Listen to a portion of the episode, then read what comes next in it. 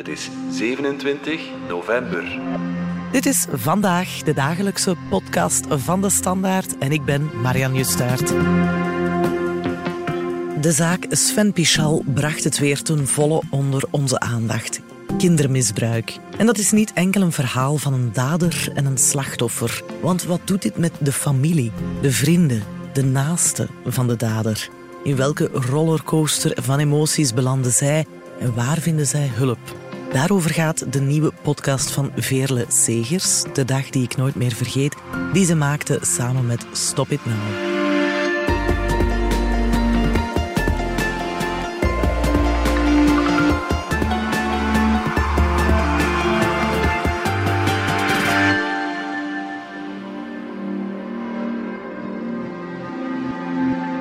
Er stort inderdaad iets in.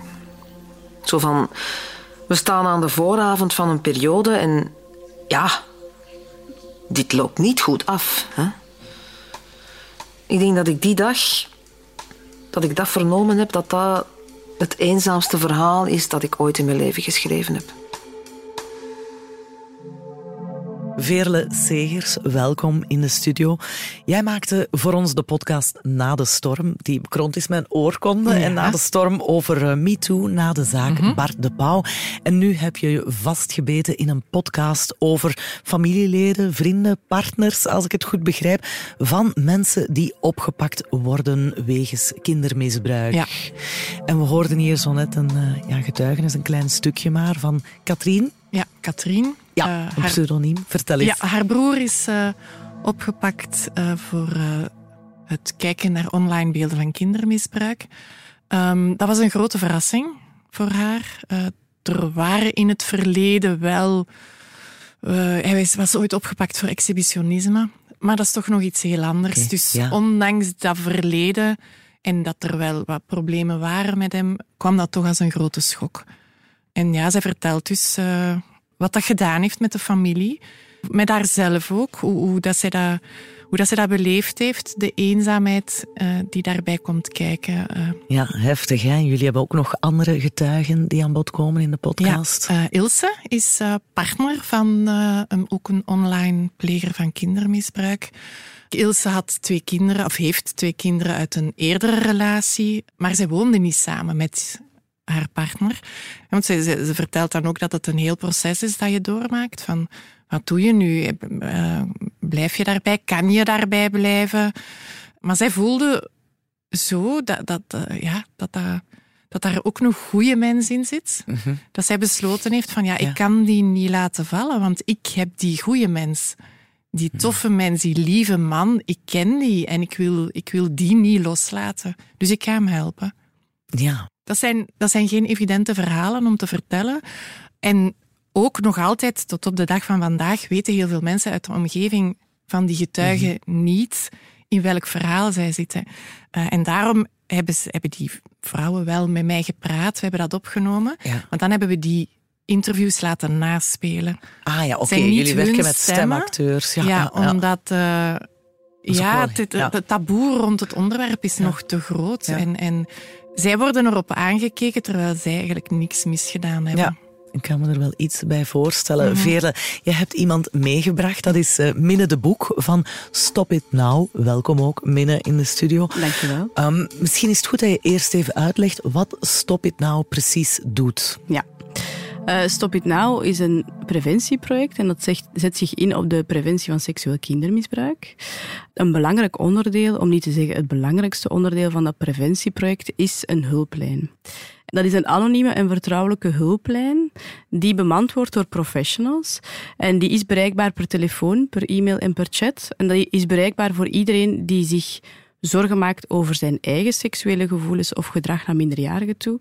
Of voor naasten die zich zorgen maken over iemand in de dichte omgeving. Hè. Ja, en eh, je zei me op voorhand al van eh, pas op eh, hoe je het zegt, Marianne, want het gaat bij ons zeker niet enkel om pedofielen. Of het is eigenlijk zelfs een term die jullie liever niet gebruiken. nee, hè? nee. Wij proberen zo weinig mogelijk ehm, het woord pedofiele in de mond te nemen als het dan gaat over stop it now.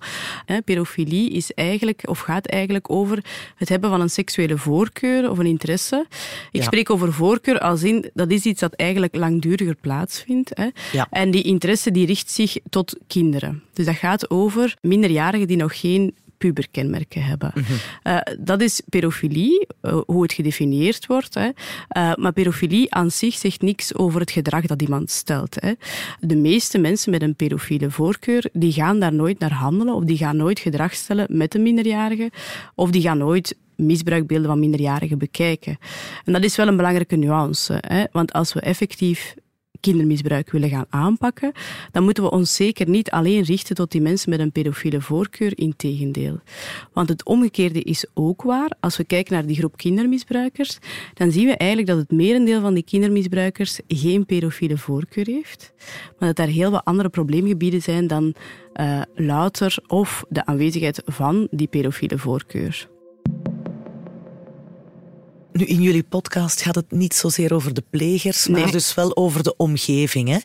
En eh, ja, jij vertelde al dat eh, de Katrien, tussen aanhalingstekens, eh, haar broer wel al eens veroordeeld was geweest voor exhibitionisme.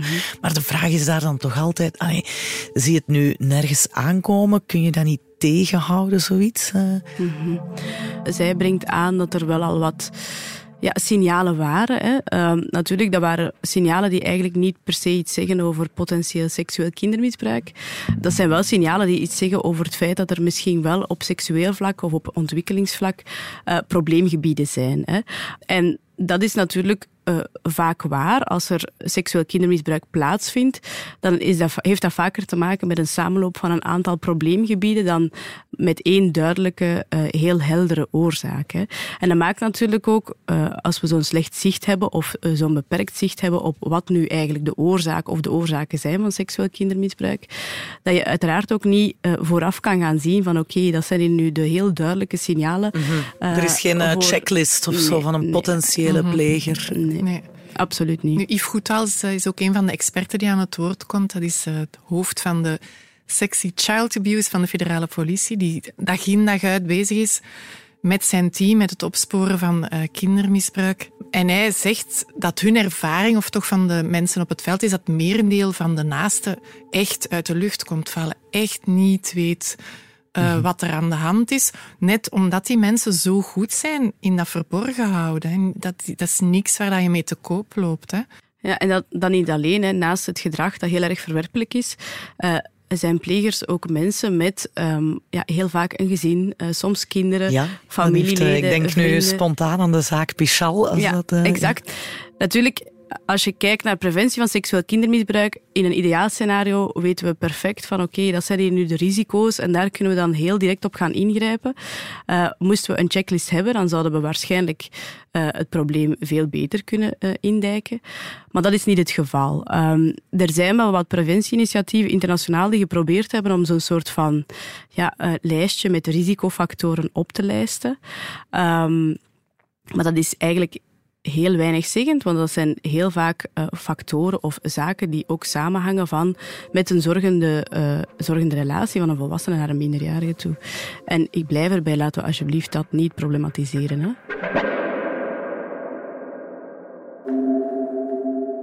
Allee, wij hadden het wel over problemen. Ik bedoel, dingen die vroeger gebeurd waren of waar dat we ons slecht bij voelden. Of... Wij hadden het daarover, maar dit is nooit vermeld geweest. En dan zegt hij van ja, de, jij met uw kinderen erbij en uw job met allemaal kinderen. Allee, plus mijn uitlatingen van op televisie soms van oh, sluit die op, gooit die een sleutel weg. Terwijl ik naast hem zat, dan denk ik van oh my god, wat moet jij gedacht hebben? Dat was een andere getuigenis uit eh, je podcast, Veerle. En we hoorden hier Ilse, dus ook een pseudoniem. Haar vriend werd opgepakt. Hè? Ja. ja, en zij begrijpt dus niet waarom hij al die jaren gezwegen heeft. Ja, ja het, valt, het valt op bij, bij beide getuigen dat, dat, ze het, eh, ja, dat ze heel erg voelen van... Ik was er toch. Ja. Hè, we hadden een goede relatie. Maar je hebt het mij niet gezegd. Zo dat onbegrip Ja. eh, van waarom toch niet. Dat is eigenlijk... Ja, dat valt heel erg op. Maar ja, het is ook duidelijk dat het uh, een groot taboe onderwerp is. Ja, en ook wel wat, waarschijnlijk vanuit de wens van misschien hadden we het kunnen voorkomen. Hè? Als je tot bij mij waart geweest, mm ik was er toch voor jou, had ik best wel willen luisteren en hadden we misschien samen naar hulp kunnen zoeken of uh, ervoor kunnen zorgen dat het mhm niet was gebeurd. Wat ook waar is. Absoluut, absoluut. Ja. ja. En dat, dat, is natuurlijk wat we allemaal proberen. Um, er zijn studies waar mensen hebben aangegeven van kijk, uh, als ik mij zorgen maakte over mijn gevoelens, dus vooral ik gedrag heb gesteld, dan uh, heb ik wel eens uh, hulp gezocht, hè, maar ik ben daar heel vaak gebotst op een muur van veroordeling, afwijzing. Natuurlijk, ik moet u niet zeggen, als je met zo'n moeilijk topic hulp zoekt hè, en je botst dan op een muur, ja, dan is de stap om opnieuw hulp te zoeken alleen maar groter. En er zijn dus studies die nagaan van oké, mensen die uiteindelijk seksueel kindermisbruik hebben gesteld, uh, hoeveel daarvan hebben nu hulp gezocht voorafgaand het delict? Ja, hebben dus daar zicht op? Voor die voor het problematisch gedrag is gesteld eigenlijk. En dan zagen we dat eigenlijk maar 18% van die groep uh, de stap had gezet om hulp te zoeken. Dus dan denk ik dat het heel erg belangrijk is als professionals in de hulpverlening, maar niet alleen de gespecialiseerde hulpverlening, maar ook huisartsen, uh, psychologen, seksuologen, van daar toch wel ja, open voor te staan en um, daar toch wel over na te denken als iemand tot bij jou komt met een bezorgdheid, uh, van dat zeker niet van je weg te duwen, maar daar naar te luisteren, open naar te luisteren en eventueel door te verwijzen als je niet het gevoel hebt dat je daar voldoende ja, ervaring of expertise in hebt om rond dat thema te werken. Dus als mensen in de dichte omgeving een niet-pluisgevoel hebben of het gevoel hebben dat ze zich zorgen maken over uh, de seksualiteit van iemand, ja, dan gaan wij soms aansporen om het gesprek aan te gaan, aan te gaan met die persoon, om een duidelijker zicht te krijgen op oké, waar zit dat probleem nu? Uh, is er effectief sprake van zorgwekkend gedrag of zorgwekkende gevoelens? Maar dat is natuurlijk niet zo evident en daar kan zo'n handleiding, maar ook wel de ondersteuning en uh, de support van Stop het nou bij helpen. Ja, want als naaste uh, moet je dan uh, ja, dealen met het feit dat, ofwel, ja, laat ons nu zeggen in het geval van Ilse de partner, mm um, ja, dat het dan allemaal uitkomt. Of dat mhm. iemand zegt, ik denk dat ik hulp nodig heb. In het beste geval uh, nog voor er enige daad is gesteld. Maar dan zit je toch ook nog met je eigen gevoelens van, ja, blijf ik dan bij die partner, ja of nee? Want dat verandert wel heel de context, hè? In het begin was dat echt de hel voor mij. Want ik moest ook gaan werken met allemaal kinderen rond mij. En ik heb zo getwijfeld aan mezelf van... Mag ik mijn, mijn werk nog wel doen? Omdat ik zo achter hem stond nog van... Allee, jij zijt geen slecht persoon. Je hebt een superzware problematiek en ik heb nog geen idee van hoe dat wij daar om mee moeten gaan, maar... Allee, ik heb wel de mooie kant van u gezien ik heb het mij proberen in te beelden dat, dat iemand dat je graag ziet, ja. dat aan u komt vertellen. Hè? Dat, dat, eh, zij, zij zeggen ook vaak van hoe, hoe moet je daarop reageren? Wij hebben echt begeleiding nodig daarin. Want als hij terug tegen mij gaat zeggen, ik voel dit of dat, soms weet ik gewoon niet hoe ik daarop moet antwoorden. Omdat dat, ja, je ziet die persoon wel graag, maar die zegt of doet wel dingen waar dat je met je hoofd niet bij kan. Hè. En ik, ik merkte bij hun dat dat, zowel bij Ilse als bij Katrien, dat dat voor hun echt een hele kluif was om, om zo uh, dat in hun hoofd en in hun hart geplaatst te krijgen. Van, van wat, één, om het te begrijpen wat gebeurt daar, maar dan ook nog eens om, om daar juist op te reageren of, of daar, ja, die niet af te wijzen. Want dat, dat, dat is juist dat ze niet willen doen, maar dat dat ook soms wel moeilijk is. We luisteren nog even naar Ilse in jullie podcast. soms denk ik, fuck, wat, wat moet ik daarmee? Wat, wat, moet ik daarop zeggen? Hoe moet ik daarop reageren? Wat is de beste manier om daarop te reageren? Zit ik soms in mijn auto dat ik van bij hem kom en dat ik gewoon begin te wenen? Dat ik denk van, ik weet niet wat ik moet doen. En wat het extra moeilijk maakt, is dat als ze dan hun hun, hun pleger, zal ik het noemen, als ze die steunen, dat ze ook nog eens uh, door de omgeving veroordeeld worden hiervoor. Ja, want dan lijkt het natuurlijk uh, alsof je ja, het, het gedrag goedkeurt, goedkeurt terwijl dat, dat twee verschillende ja. dingen zijn. En, uh... Ja, exact. Dat is ook hoe wij daar naar kijken in behandeling. Hè. Wij, wij keuren absoluut het gedrag af. maar niet per se de persoon die daar rond Mhm. staat. En dat geeft ook wel wat, wat ruimte om met mensen aan de slag te gaan die, die zulk eh, verwerpelijk gedrag hebben gesteld. Jij herkent dit wel, Veerle, want ja, jij kent eh, Sven Pichal goed. Ik werk bij Radio 2. En dus ja, Sven is, was een collega van mij. Dus terwijl ik die podcast aan het maken was, is die zaak ontploft. Dus dat kwam heel dicht plots. En waarin ik misschien er anders ben ingestapt toen ik aan die podcast begon, begreep ik plots heel goed wat het is om iemand graag te hebben die zoiets doet. En welke emoties dat daarbij komen kijken. Dat de, op een moment moet je huilen, omdat iemand Ja. dat je graag hebt zoiets doet. Dan op een moment ben je boos, omdat je denkt, waarom heb je geen hulp gezocht? En dus ik merkte ook, als ik, als ik met de getuigen praatte, dat dat hun geruststelde. Omdat zij zoiets hadden van, ja, maar jij gaat begrijpen wat dat wij meemaken. Ja. Exact, die mix aan emoties. Er zijn momenten, en dat horen we ook bij de getuigenissen, dat ze heel erg kwaad zijn, heel erg verdrietig zijn. En soms nadenken van, ik wil gewoon weglopen van die persoon. Hè. En op andere momenten, ja, dat is wel iemand die ik graag gezien heb, die ook heel veel goede kanten heeft. Ja. Eh, en ik wil er ook wel zijn voor die persoon. En dat maakt ook eigenlijk meteen duidelijk eh, wat de nood is van die naasten. Hè. Ik denk enerzijds eh, ondersteuning, omwille van het feit dat ze dat verdienen, omdat ze zelf met verschillende emoties te maken krijgen, waar ze zelf niks aan konden doen. Hè. Ten tweede ook wel voor een stukje ter preventie. Eh, in die zin dat het heel erg belangrijk is dat mensen die een potentieel risico vormen, dat die goed omringd zijn. Als we kijken naar de verklaringen voor seksueel kindermisbruik in de eerste plaats, maar ook alles wat gaat over hervalrisico's, dan is eigenlijk sociale eenzaamheid, geïsoleerd zijn, niet goed omringd zijn of eh, niet omringd zijn met prosociale contacten, zijn dat eigenlijk allemaal risicofactoren. Ja. Dus dat is ook wel een, een, een extra argument, zeg maar, vanuit het perspectief van bescherming van de samenleving, bescherming van kinderen, om die plegers niet te verwerpen, eh, niet zomaar uit te spuwen, niet zomaar in een hokje eh, te duwen, maar er echt wel voor open te staan om, eh, om er te zijn voor hen en hen te ondersteunen in het zoeken naar hulp en gedragsverandering.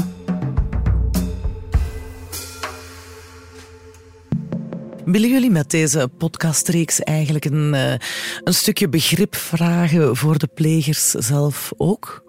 Nee, hè? Nee, nee dit gaat echt over...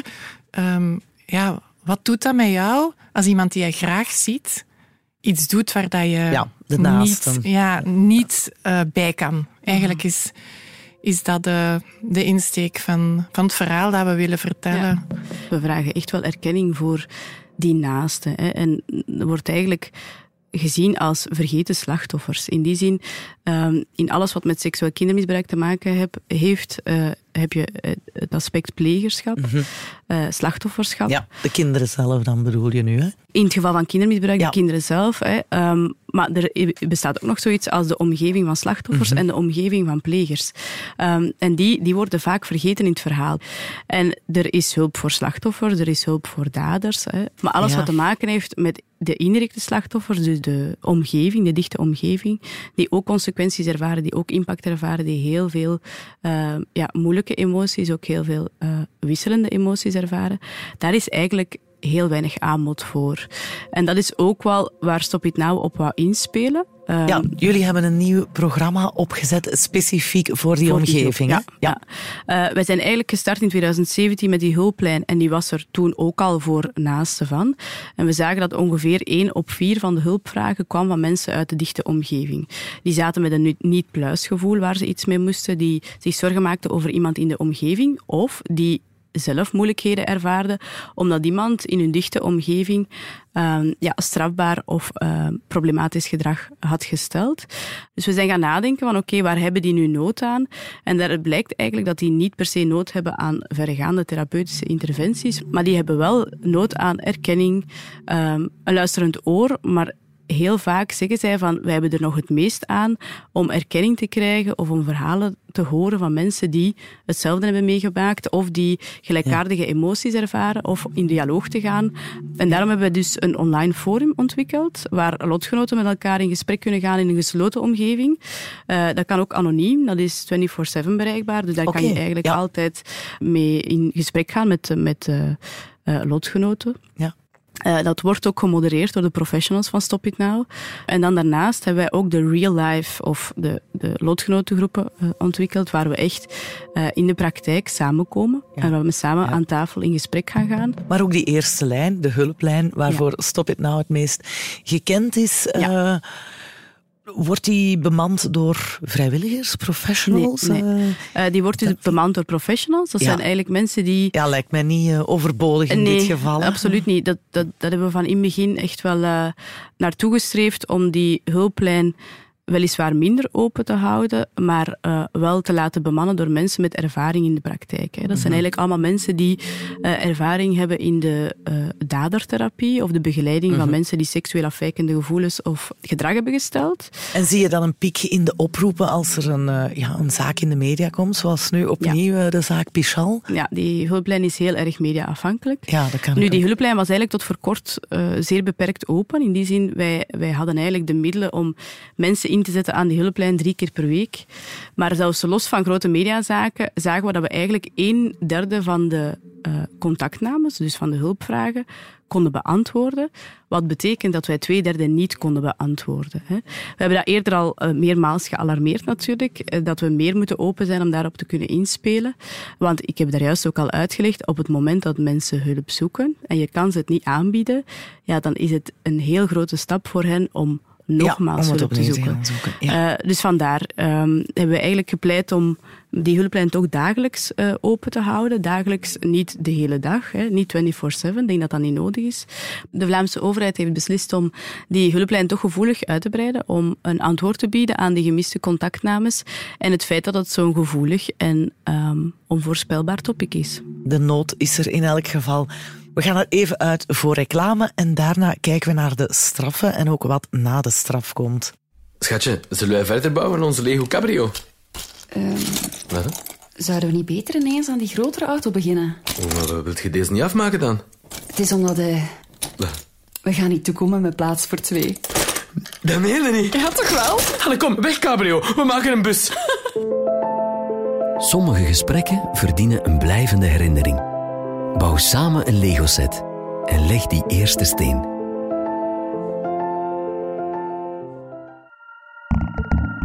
We luisteren eerst nog even naar Ilse en Katrien. Als het proces echt in gang gekomen is, dan... Uh, ja, en het kwam dan op het nieuws en... Na, na, na, na, dan is het pas een bommetje geweest. Mijn omgeving heeft dat eigenlijk heel lang niet geweten. In mijn familie alleen mijn ouders. En al de anderen zijn het eigenlijk te weten gekomen door de media. Inderdaad, ik, ik voelde mijzelf een stuk slachtoffer op dat moment. Een stuk schaamte ook. Maar ook in zijn plaats. Van, dat komt hier nu naar buiten, ook met feiten van vroeger. Ik vond dat vreselijk. Dat is eigenlijk het zwaarste moment geweest. Veerle, Minne, terug bij jullie. We gingen het over de straffen hebben en daar gaat meestal een proces aan vooraf. Dat is toch ook een zwaar moment voor de omgeving van de pleger, denk ik dan. Ik vond het heel opvallend in, in, in uh, beide getuigenissen hoe ingrijpend uh, dat proces was. Omdat ze toch duidelijk heel erg goed gepraat hadden met hun partner of nee, en de broer. Um, maar dat blijft dan toch blijkbaar wat met de mantel der liefde uh, bedekt. Zoals je dat doet met, met moeilijke gesprekken waarschijnlijk. Of, of met kanten van jezelf die je niet wilt tonen. Of, dat, dat gaat niet over de details. En een ja. rechtszaak, dat is een opsomming van feiten. Dat ja, ja, gaat minder over waar komt dat vandaan. Maar je hebt dat gedaan, je hebt dat gedaan, je hebt zoveel beelden. En met zoveel mensen in contact gestaan. En als dat allemaal samengevat wordt, en dan het ergste nog is natuurlijk de zogenaamde onherkenbare beelden, die, uh, dat is heel pijnlijk, duidelijk voor de familie. Um, omdat ja. Uh, nou, bedoelt onherkenbare beelden van de pleger, ja, van die de dan plegers, vervolgens ja. in de media of zo ja, en dus of toch, er, ja, er verschijnt een artikel, daar staat dan ook al zwart op wit wat er allemaal de, de, de, feiten die gepleegd ja. zijn. En dan staat er dan een foto van de beklaagde. En dan is dat een foto met een balkje voor ja. de ogen. Maar ja. iedereen die die persoon een beetje kent. Dus al de heel snel zo, is alles, hè, is de puzzel gelegd. En dat is vaak het moment dat de omgeving, de grotere omgeving, of het dorp, of, of de, de stad waarin hij woont, dat die weten over wie het gaat. Het valt wel op dat in jouw podcast best veel nadruk wordt gelegd op die straf. Hè? Echt het belang van de straf voor een uh, kindermisbruiker of zedepleger. Ja, de, de, de straf is belangrijk op twee manieren eigenlijk. Voor de maatschappij, als, als signaal van we, ja. nemen dit, we nemen dit serieus, maar ook naar de plegers. Eh, daar kan Mina waarschijnlijk nog meer over vertellen. Ja, signaal aan de maatschappij, maar ook wel erkenning aan de slachtoffers. Dat ja. is echt heel erg belangrijk. Uh, ook aan de omgeving van slachtoffers. Dus die straf heeft een maatschappelijke waarde, heeft een waarde voor slachtoffers, uh, maar kan ook een, een, een, waarde hebben voor plegers. In die zin uh, dat we, we zien in wetenschappelijk onderzoek dat eigenlijk dat stopmoment, dus het moment dat ze het signaal hebben gekregen van dit is gedrag dat niet door de beugel kan en daar hangen voor u consequenties aan vast, namelijk een straf, hè, dat dat echt essentieel is. We weten alleen dat straffen alleen, straffen op zichzelf, niet altijd werkt. Hè. In sommige gevallen wel, maar maar in de meeste gevallen niet. Dus we moeten breder durven kijken dan enkel die straf. Ja. Natuurlijk, de vraag is, uh, wat definieer je onder een straf? Hè? Het feit dat je langduriger opgevolgd wordt, dat je begeleid wordt, dat je mm -hmm. langduriger gecontroleerd wordt. Hè? Uh, ook dat kan een onderdeel uh, van een straf zijn. En dat is wel heel erg belangrijk, mm -hmm. omdat we zien dat als mensen seksueel grensoverschrijdend gedrag stellen, of seksueel kindermisbruik stellen, daar hangen heel wat probleemgebieden aan vast, daar hebben we het al over gehad.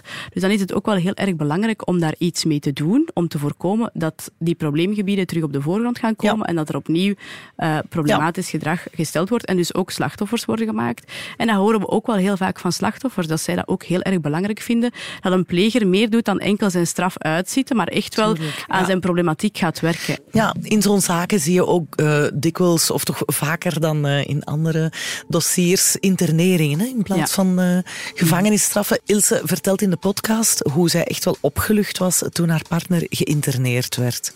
Je bent nooit echt blij als er iemand geïnterneerd wordt, hoor. Maar ik was echt wel blij. En had hij gewild, dan had hij dat kunnen aanvechten en zo. Maar ja, hij had ook zoiets van... Dit is wel mijn kans dat ik echt hulp ga krijgen. Ilse zelf nuanceert dat ook wel, omdat ze zegt van... Ja, je bent natuurlijk nooit echt blij als, je, als er -hmm. iemand geïnterneerd wordt. Maar zij zag daar wel mogelijkheden in mogelijkheden vooral naar hulp toe en naar een, een mogelijke toekomst toe. Dus voor haar, zij heeft dat echt gevoeld als... Ja. Uh, ja, hoe zeg je dat? Een, geluk bij een ongeluk of zoiets. Ja, zoiets, ja, ja inderdaad. een internering uh, is geen veroordeling, en dat is eigenlijk een maatregel om tegemoet te komen aan het feit dat iemand onderliggende probleemgebieden heeft, psychiatrische problematieken die ervoor zorgen dat die eigenlijk niet helemaal verantwoordelijk kan gesteld worden voor het gedrag dat die gepleegd heeft. En het opzet van een internering is, oké, um, iemand heeft de nodige zorg uh, uh, nodig en we gaan ook die zorg gaan aanbieden.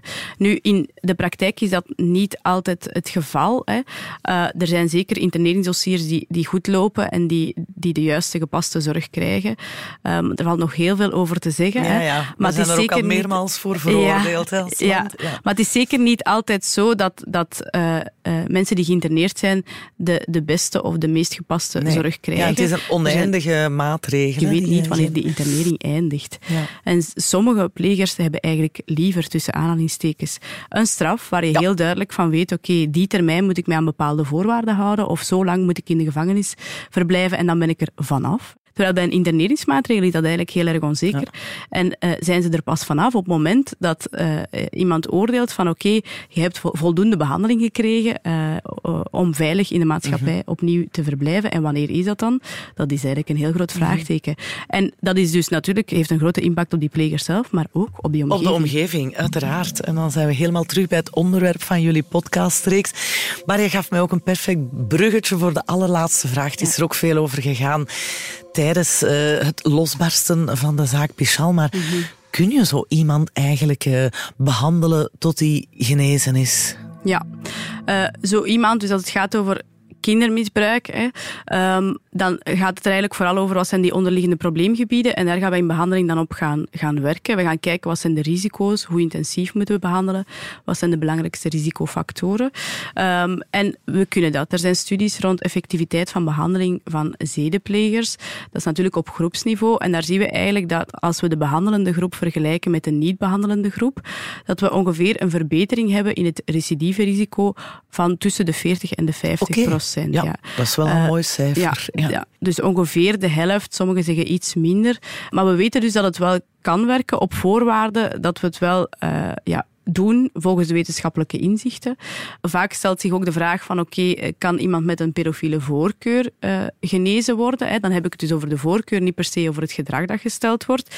Ehm, en dat is natuurlijk een mo- moeilijkere in die zin dat eh, mensen met een pedofiele voorkeur het ook wel vaak omschrijven als iets wat, ja, wat een onderdeel is van hun identiteit, iets waar ze niets aan kunnen veranderen. Hè. Sommigen omschrijven het zelfs als een geaardheid.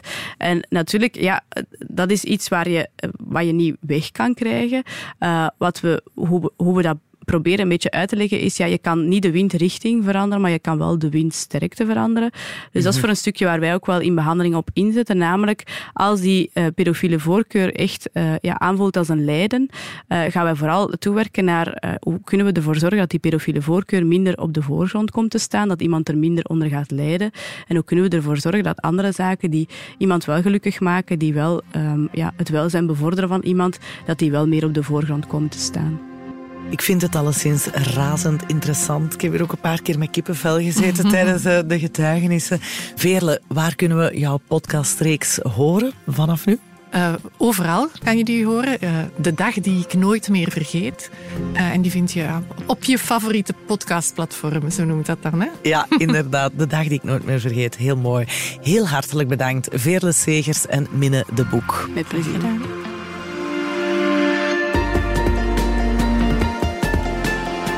Dit was vandaag de dagelijkse podcast van de Standaard. Bedankt voor het luisteren. Volg ons op Spotify, Apple Podcast of eender welk ander podcastplatform.